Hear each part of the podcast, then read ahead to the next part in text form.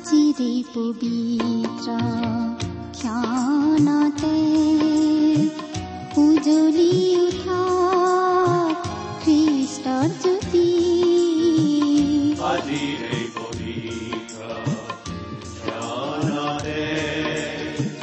উজ্বলি উঠা খ্ৰীষ্টৰ জ্যোতি।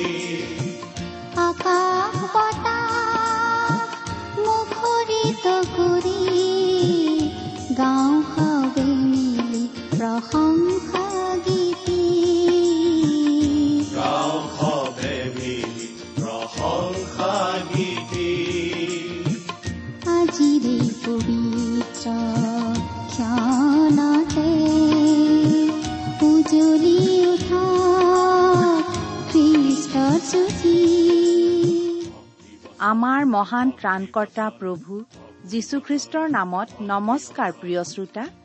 এয়া মুকলি কৰিবলৈ লৈছো বাইবেল অধ্যয়নৰ ধাৰাবাহিক অসমীয়া অনুষ্ঠান ভক্তি বচন।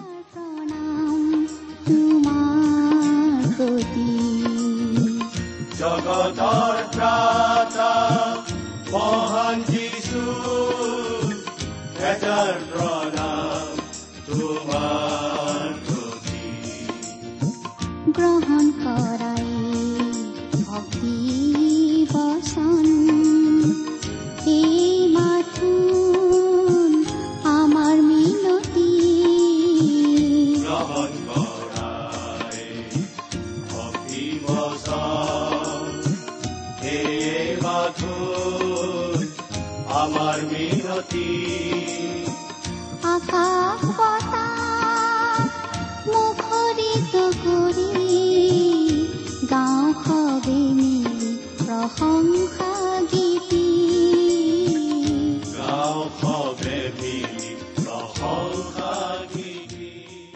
আমাৰ পৰম পবিত্ৰ প্ৰভু যীশুখ্ৰীষ্টৰ নামত নমস্কাৰ প্ৰিয় শ্ৰোতা।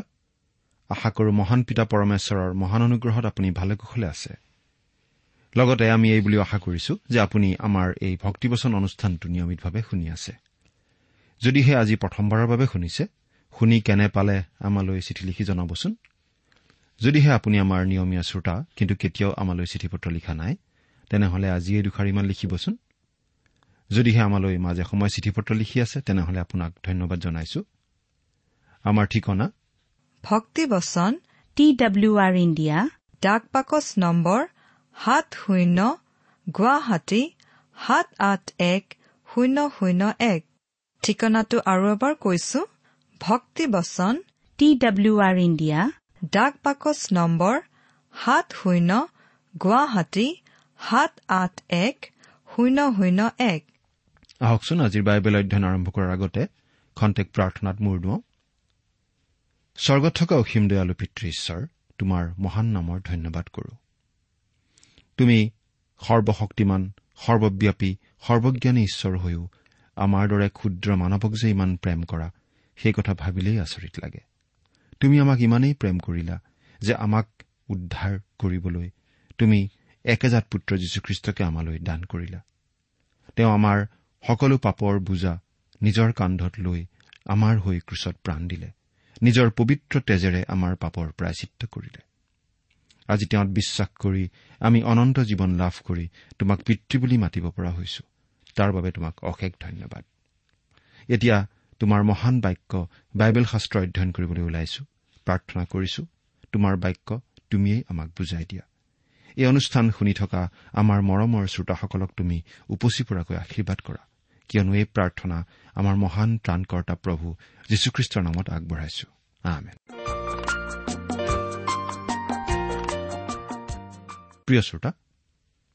আপুনি বাৰু আমাৰ এই ভক্তিবচন অনুষ্ঠানটো নিয়মিতভাৱে শুনি আছেনে?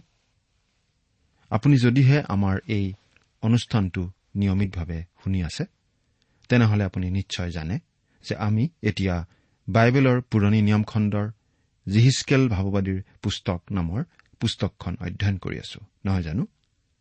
আমি এই পুস্তকখনক চমুকৈ জিহিচকেল পুস্তক বুলিয়েই কওঁ। আপুনি আমাৰ যোৱা অনুষ্ঠানটো শুনিছিল নে আমি বাৰু কি আলোচনা কৰিছিলো আপোনাৰ মনত আছেনে?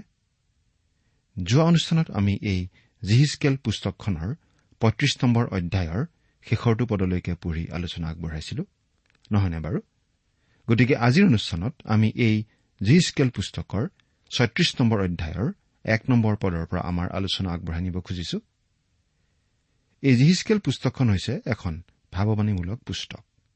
ঈশ্বৰে জিহিচকেল ভাৱবাদীৰ যোগেৰে জনাই দিয়া কিছুমান ভাৱবাণী বা ভৱিষ্যৎবাণীৰ কথা আমি ইয়াত পাওঁ। ভাৱবাণীমূলক পুস্তক হলেও ইয়াৰ যোগেদি আমি শিকিবলগীয়া অনেক কথা আছে। যোৱা অনুষ্ঠানত আমি পঢ়িবলৈ পাইছিলো বাবিলত বন্দী হৈ থকা ইছৰাইলীয় লোকসকলৰ আগত জিহিচকেল ভাৱবাদীয়ে ভৱিষ্যতৰ বিষয়ে জনাই দিয়াৰ কথা। যদিও ইছৰাইলীয়া লোকসকলে তেওঁলোকৰ অবাধ্যতাৰ বাবে ঈশ্বৰৰ পৰা শাস্তি পাইছিল আৰু সেই শাস্তিস্বৰূপে তেওঁলোকক শত্ৰুৰ হাতত বন্দী হৈ যাবলৈ ঈশ্বৰে এৰি দিছিল কিন্তু তেওঁলোকক আকৌ নিজৰ দেশলৈ তেওঁ ঘূৰাই আনিব বুলি জনাই দিছে। সেয়া আছিল অদূৰ ভৱিষ্যতে ঘটিবলগীয়া কথা।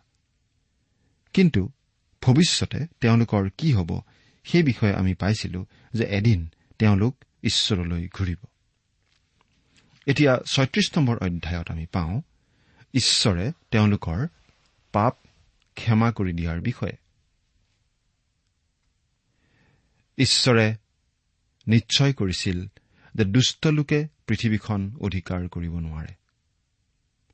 কোনে অধিকাৰ কৰিব? প্ৰভু যীশুৱে ইয়াৰ উত্তৰটো দিছে।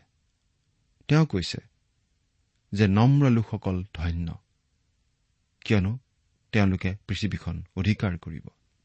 এইবুলি আমি পাওঁ মঠিয়ে লিখা শুভবাৰ্তা পাঁচ নম্বৰ অধ্যায়ৰ পাঁচ নম্বৰ পদত।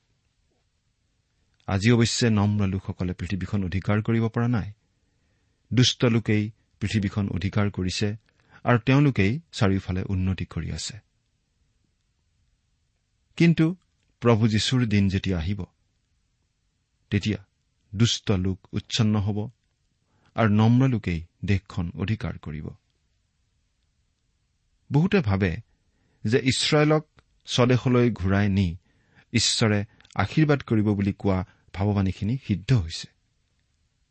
কিন্তু আচলতে সিদ্ধ হোৱা নাই কাৰণ তেওঁৰ ভাৱবাণীৰ দৰে এতিয়াও ইছৰাইলক ঈশ্বৰে আশীৰ্বাদ কৰা নাই সেয়া ভৱিষ্যতেহে ঘটিব। আজি খ্ৰীষ্টীয় মণ্ডলী আৰু মণ্ডলীৰ বাহিৰতো সকলো জাতি আৰু সকলো দেশতে ঈশ্বৰৰ নাম অপবিত্ৰ কৰি থকা হৈছে আৰু তেওঁক অসন্মান কৰি থকা হৈছে। ঈশ্বৰ নিন্দা দিনক দিনে বাঢ়ি গৈ আছে। অৰ্থাৎ ঈশ্বৰ নিন্দা কৰা মানুহৰ সংখ্যা বৃদ্ধি পাই আছে। আনকি ঈশ্বৰৰ নাম লোৱা বহু মানুহে অনৰ্থকভাৱে ঈশ্বৰৰ নাম লয়। কিন্তু ঈশ্বৰে কৈছে এই সকলোবিলাক এদিন বন্ধ হ'ব। সকলোৱেই তেওঁৰ নামৰ সন্মান কৰিব। তেওঁৰ নামৰ জয়গান গাব। সেৱা স্তুতি প্ৰশংসা কৰিব। তেওঁৰ নামৰ হালিলুয়া গাব। তেওঁৰ সেৱা আৰাধনা কৰিব। তেওঁৰ নামত প্ৰাৰ্থনা কৰিব। তেওঁ সন্মানিত হ'ব। ঈশ্বৰে কৈছে যে তেওঁ তেনেদৰে ঘটিবলৈ দিব। পৰিৱৰ্তন জৰুৰ দেখা যাব কাৰণ মানুহ নতুন অন্তৰৰ অধিকাৰী হ'ব। তেওঁলোক নতুনকৈ জন্ম পোৱা লোক হ'ব। সেইদিনা ঈশ্বৰে তেওঁৰ আত্মা মানুহৰ ওপৰত বাকী দিব। জুৱেল ভাৱবাদীয়েও সেই কথা প্ৰচাৰ কৰি থৈ গৈছে। প্ৰিয় শ্ৰোতা পঞ্চাছদিনীয়া পৰ্বৰ দিনা ঈশ্বৰে কিছু লোকৰ ওপৰতহে তেওঁৰ আত্মা বাকী দিছিল। কিন্তু সেইদিনা সকলো লোকৰ ওপৰতেই তেওঁ তেওঁৰ আত্মা বাকী দিব। ঈশ্বৰৰ লোকসকলে স্বদেশত স্বভূমিত বাস কৰিব। দেশত উন্নতি হ'ব। আশীৰ্বাদ প্ৰাপ্ত হ'ব পাৰ্থিৱভাৱেও পাৰ্থিৱ আশীৰ্বাদেৰে আশীৰ্বাদ কৰিবলৈ ঈশ্বৰে অংগীকাৰ কৰিছে। তেওঁৰ সেই অংগীকাৰ সিদ্ধ হবই। অন্ন বস্ত্ৰৰ অভাৱ নহ'ব। জোৰাওকৈ খাবলৈ পিন্ধিবলৈ সকলোৱেই পাব। শাৰীৰিক মানসিক আৰু আম্মিক আশীৰ্বাদেৰে সকলোৱেই আশীৰ্বাদ প্ৰাপ্ত হ'ব। আৰু কি সুন্দৰ কথা যে সেইদিনা সকলোৱে কব এই যি দেশ উচ্ছন্ন হৈ পৰি আছিল আজি এডেনবাৰীৰ নিচিনা হ'ল। আপুনি ইচ্ছা কৰিলে আজিও কোনো ঠাইক এডেনবাৰী বুলিব পাৰে কিন্তু আপুনি এডেনবাৰী বুলিলেও আজি সেই ঠাইডোখৰ আদম হোৱাৰ দিনৰ এডেনবাৰীৰ নিচিনা কেতিয়াও নহয়। কিন্তু সেইদিনা হ'ব। তাৰ পাছত সকলোৰে শেষত প্ৰভুৱে কৈছে যে সেইদিনা আটাই মানুহে জানিব যে তেওঁৱেই ঈশ্বৰ জিহুৱা। তেওঁৱেই তেওঁলোকৰ ঈশ্বৰ। হালিলুয়া। এতিয়া আমি বাইবেলৰ পৰা পাঠ কৰি যাম। ছয়ত্ৰিশ নম্বৰ অধ্যায়ৰ এক নম্বৰ পদৰ পৰা পাঁচ নম্বৰ পদলৈকে পাঠ কৰি দিম। আৰু হে মনুষ্য সন্তান তুমি ইছৰাইলৰ পৰ্বতবোৰৰ আগত ভাৱবাণী প্ৰচাৰ কৰি কোৱা হে ইছৰাইলৰ পৰ্বতবিলাক তোমালোকে জিহুৱাৰ বাক্য শুনা। প্ৰভু জিহুৱাই এই কথা কৈছে শত্ৰুৱে তোমালোকৰ অহিতে কৈছে ভাল হৈছে আৰু পুৰাতন উচ্চস্থানবোৰ আমাৰ অধিকাৰ হ'ল। এই হেতুকে ভাৱবাণী প্ৰচাৰ কৰি কোৱা প্ৰভু জীহুৱাই এই কথা কৈছে জাতিবিলাকৰ অৱশিষ্ট লোকে তোমালোকক অধিকাৰ কৰিবৰ নিমিত্তে সিহঁতে তোমালোকক ধ্বংস আৰু চাৰিওফালে তোমালোকক গ্ৰাস কৰিলে আৰু তোমালোক গপীহঁতৰ গপৰ ও লোকবিলাকে চৰ্চি ফুৰাৰ বিষয় হলা।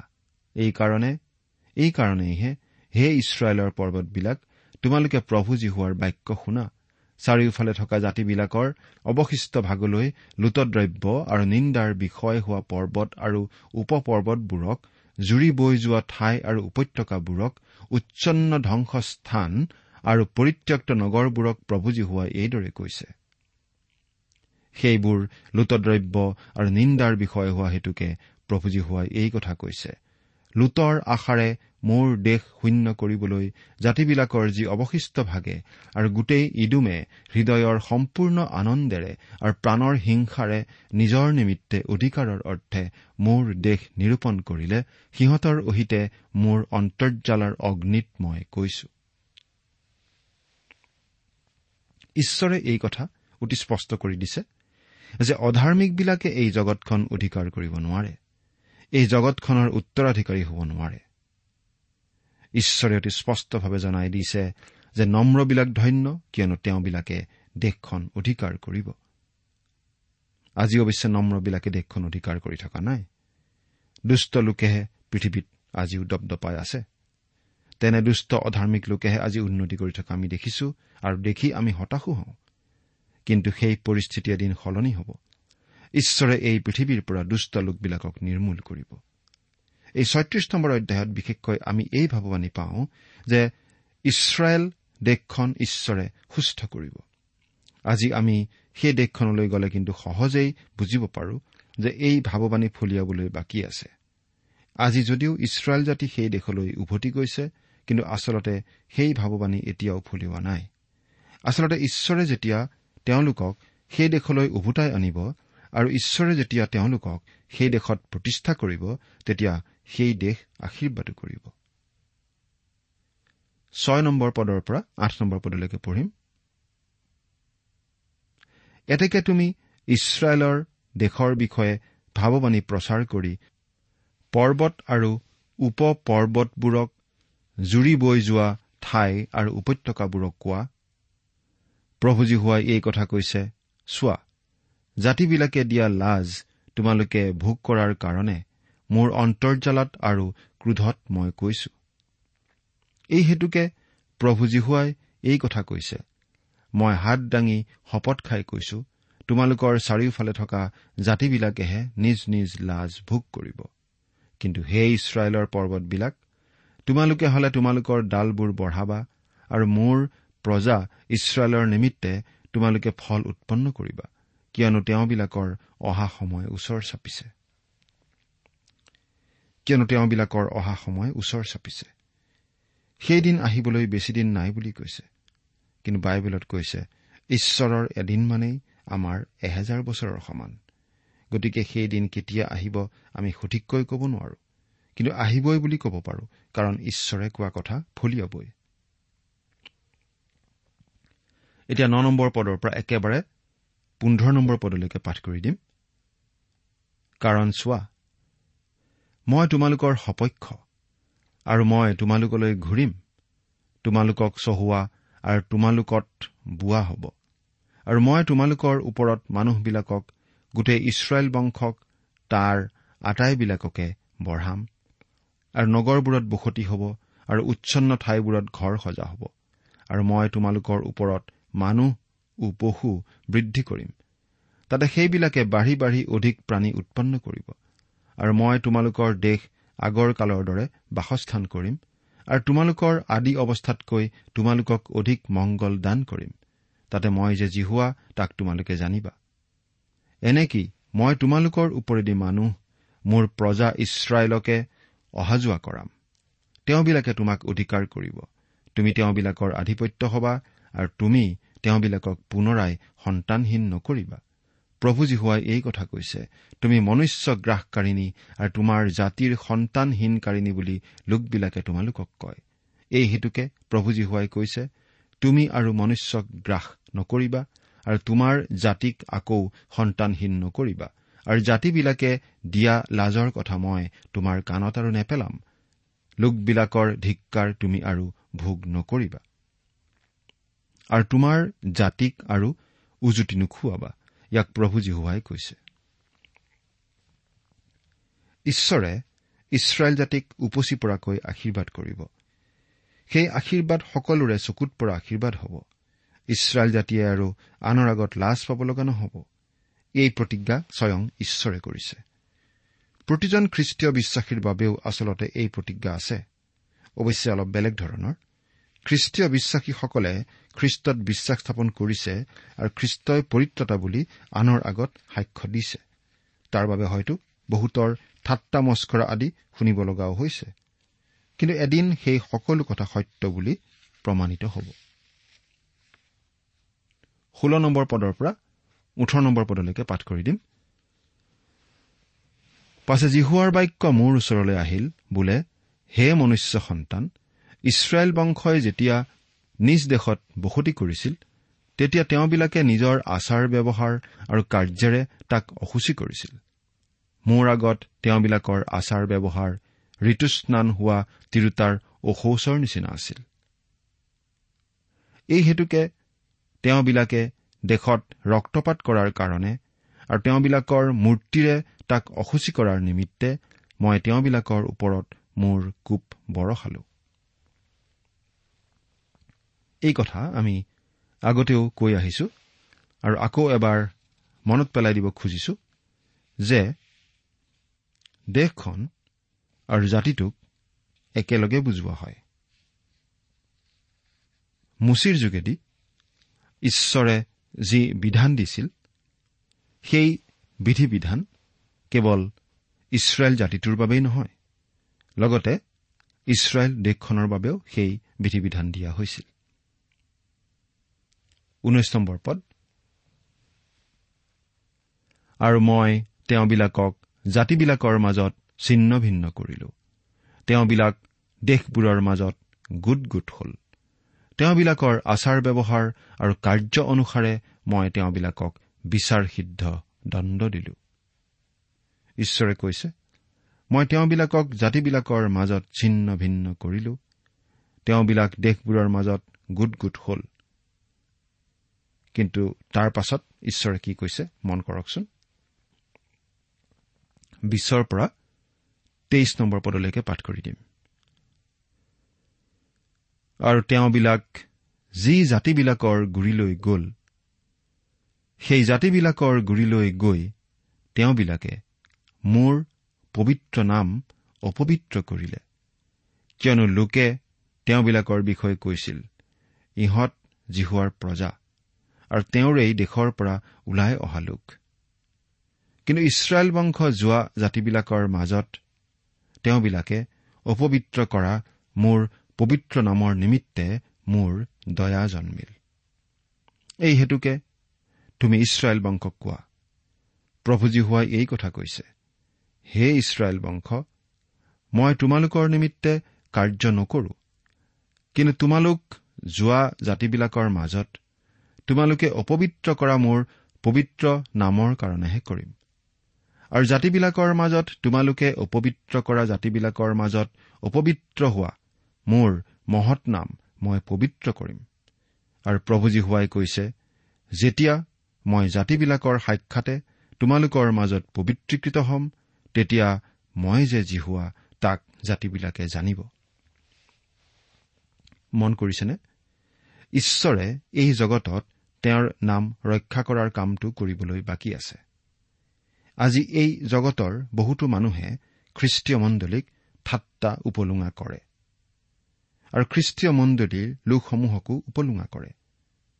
তাকেই কৰি আচলতে তেওঁলোকে ঈশ্বৰৰ নামৰহে নিন্দা কৰে। ঈশ্বৰে এদিন এই পৃথিৱীত তেওঁৰ নামৰ যথাৰ্থতা প্ৰতিপন্ন কৰিব আৰু এই জগতত তেওঁৰ নাম নিষ্কলংক কৰিব। আজি বহুতো লোকে ঈশ্বৰৰ নাম অনাহকতে লয়। তাচ্ছিল্যৰ ভাৱেৰে কিন্তু ঈশ্বৰে কৈছে সেই কাৰ্য বন্ধ হ'ব আৰু এদিন তোমালোকে মোৰ প্ৰতি সন্মান প্ৰদৰ্শন কৰিবলৈ বাধ্য হবা। মন কৰক এয়া ঈশ্বৰৰ বাক্য। তেওঁ কোৱা কথা। এতিয়া আমি চৌব্বিছ নম্বৰ পদৰ পৰা ছাব্বিছ নম্বৰ পদলৈকে পাঠ কৰি দিম। কিয়নো মই জাতিবিলাকৰ মাজৰ পৰা তোমালোকক লৈ আটাই দেশৰ পৰা তোমালোকক গোটাই তোমালোকৰ নিজ দেশলৈ নিম। আৰু মই তোমালোকৰ ওপৰত সূচী জল ছটিয়াম। তাতে তোমালোক সূচী হবা। মই তোমালোকৰ আটাই অসৌচৰ পৰা আৰু তোমালোকৰ আটাই মূৰ্তিৰ পৰা তোমালোকক সূচী কৰিম। মই তোমালোকক এক নতুন হৃদয় দিম আৰু তোমালোকৰ অন্তৰত এক নতুন আত্মা স্থাপন কৰিম আৰু মই তোমালোকৰ শৰীৰৰ পৰা শিলৰূপ মন গুচাই তোমালোকক মাংসৰূপ মন দিম। ঈশ্বৰে জনাই দিছে তেওঁ কি কৰিব সেই কথা। এটা পৰিৱৰ্তন হ'ব। মই তোমালোকক এখন নতুন অন্তৰ দিম। অৰ্থাৎ তেওঁলোক নতুন জন্ম পোৱা লোক হ'ব। সাতাইছ নম্বৰ পদ। আৰু মই তোমালোকৰ অন্তৰত মোৰ আত্মা স্থাপন কৰি তোমালোকক মোৰ বিধিবোৰত চলাম। তাতে তোমালোকে মোৰ শাসন প্ৰণালীবোৰ পালন কৰি সেইমতে কাৰ্য কৰিবা। আৰু মই তোমালোকৰ পূৰ্বপুৰুষবিলাকক দিয়া দেশত তোমালোকে বাস কৰিবা আৰু তোমালোক মোৰ প্ৰজা হবা আৰু মই তোমালোকৰ ঈশ্বৰ হ'ম।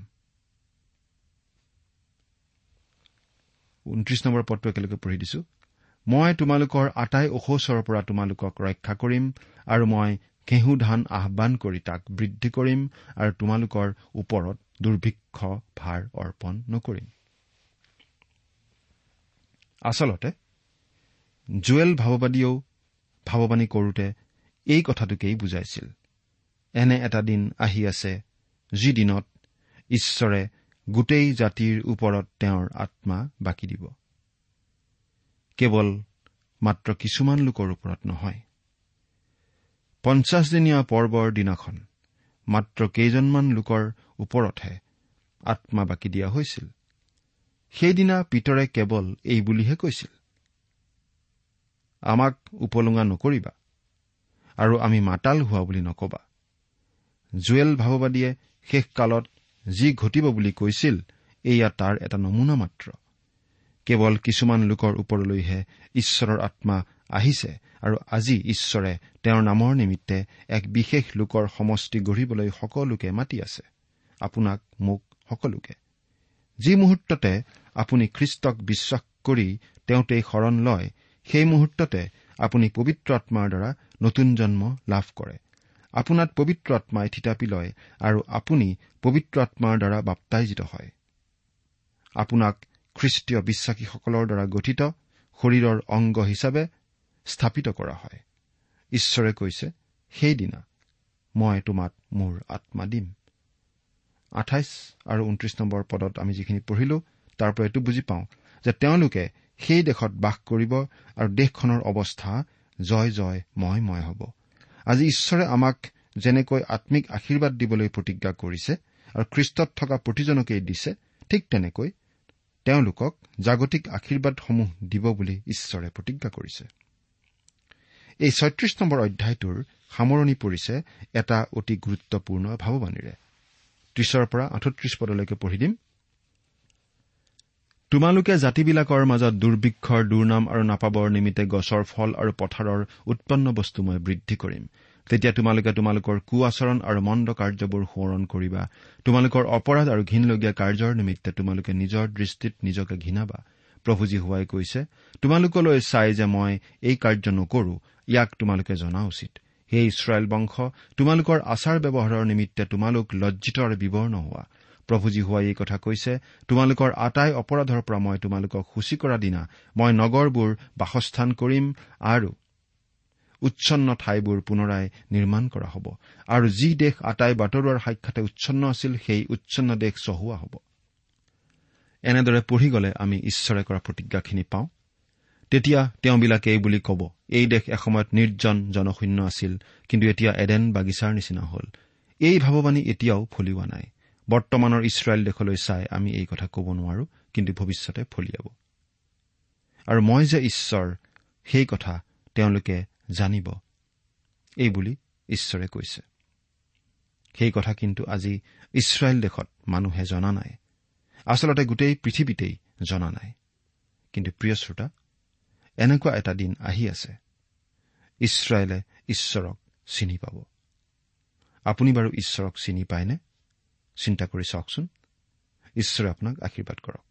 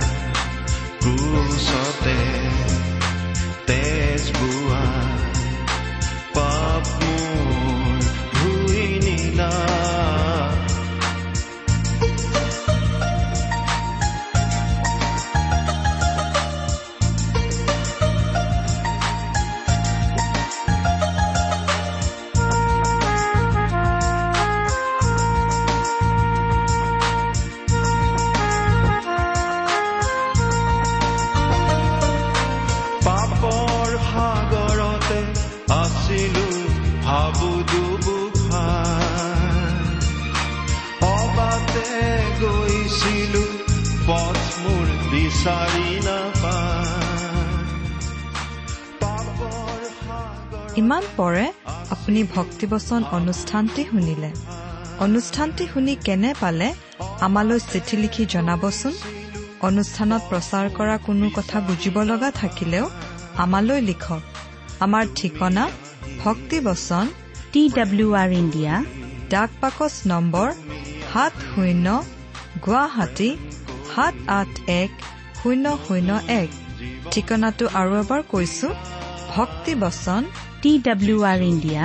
ডাক পাকচ নম্বৰ সাত শূন্য গুৱাহাটী সাত আঠ এক শূন্য শূন্য এক। আপুনি ইমেইল যোগেৰেও আমাৰ সৈতে যোগাযোগ কৰিব পাৰে। আমাৰ ইমেইল আইডিটো হৈছে Assamese T TV at radio' eight eight two dot com আইডিটো আকৌ এবাৰ কৈছো। Assamese T TV at radio' eight eight two dot com আপুনি টেলিফোনৰ মাধ্যমেৰেও আমাক যোগাযোগ কৰিব পাৰে। আমাৰ টেলিফোন নম্বৰটো হৈছে শূন্য তিনি ছয় এক দুই ছয় শূন্য চাৰি ছয় সাত এক। ফোন নম্বৰটো আকৌ এবাৰ কৈছো zero' three six one two six zero' four six seven one আজিৰ অনুষ্ঠানটি ইমানতে সামৰিছো। ঈশ্বৰৰ শান্তি আৰু অনুগ্ৰহ আপোনাৰ লগত থাকক। ধন্যবাদ।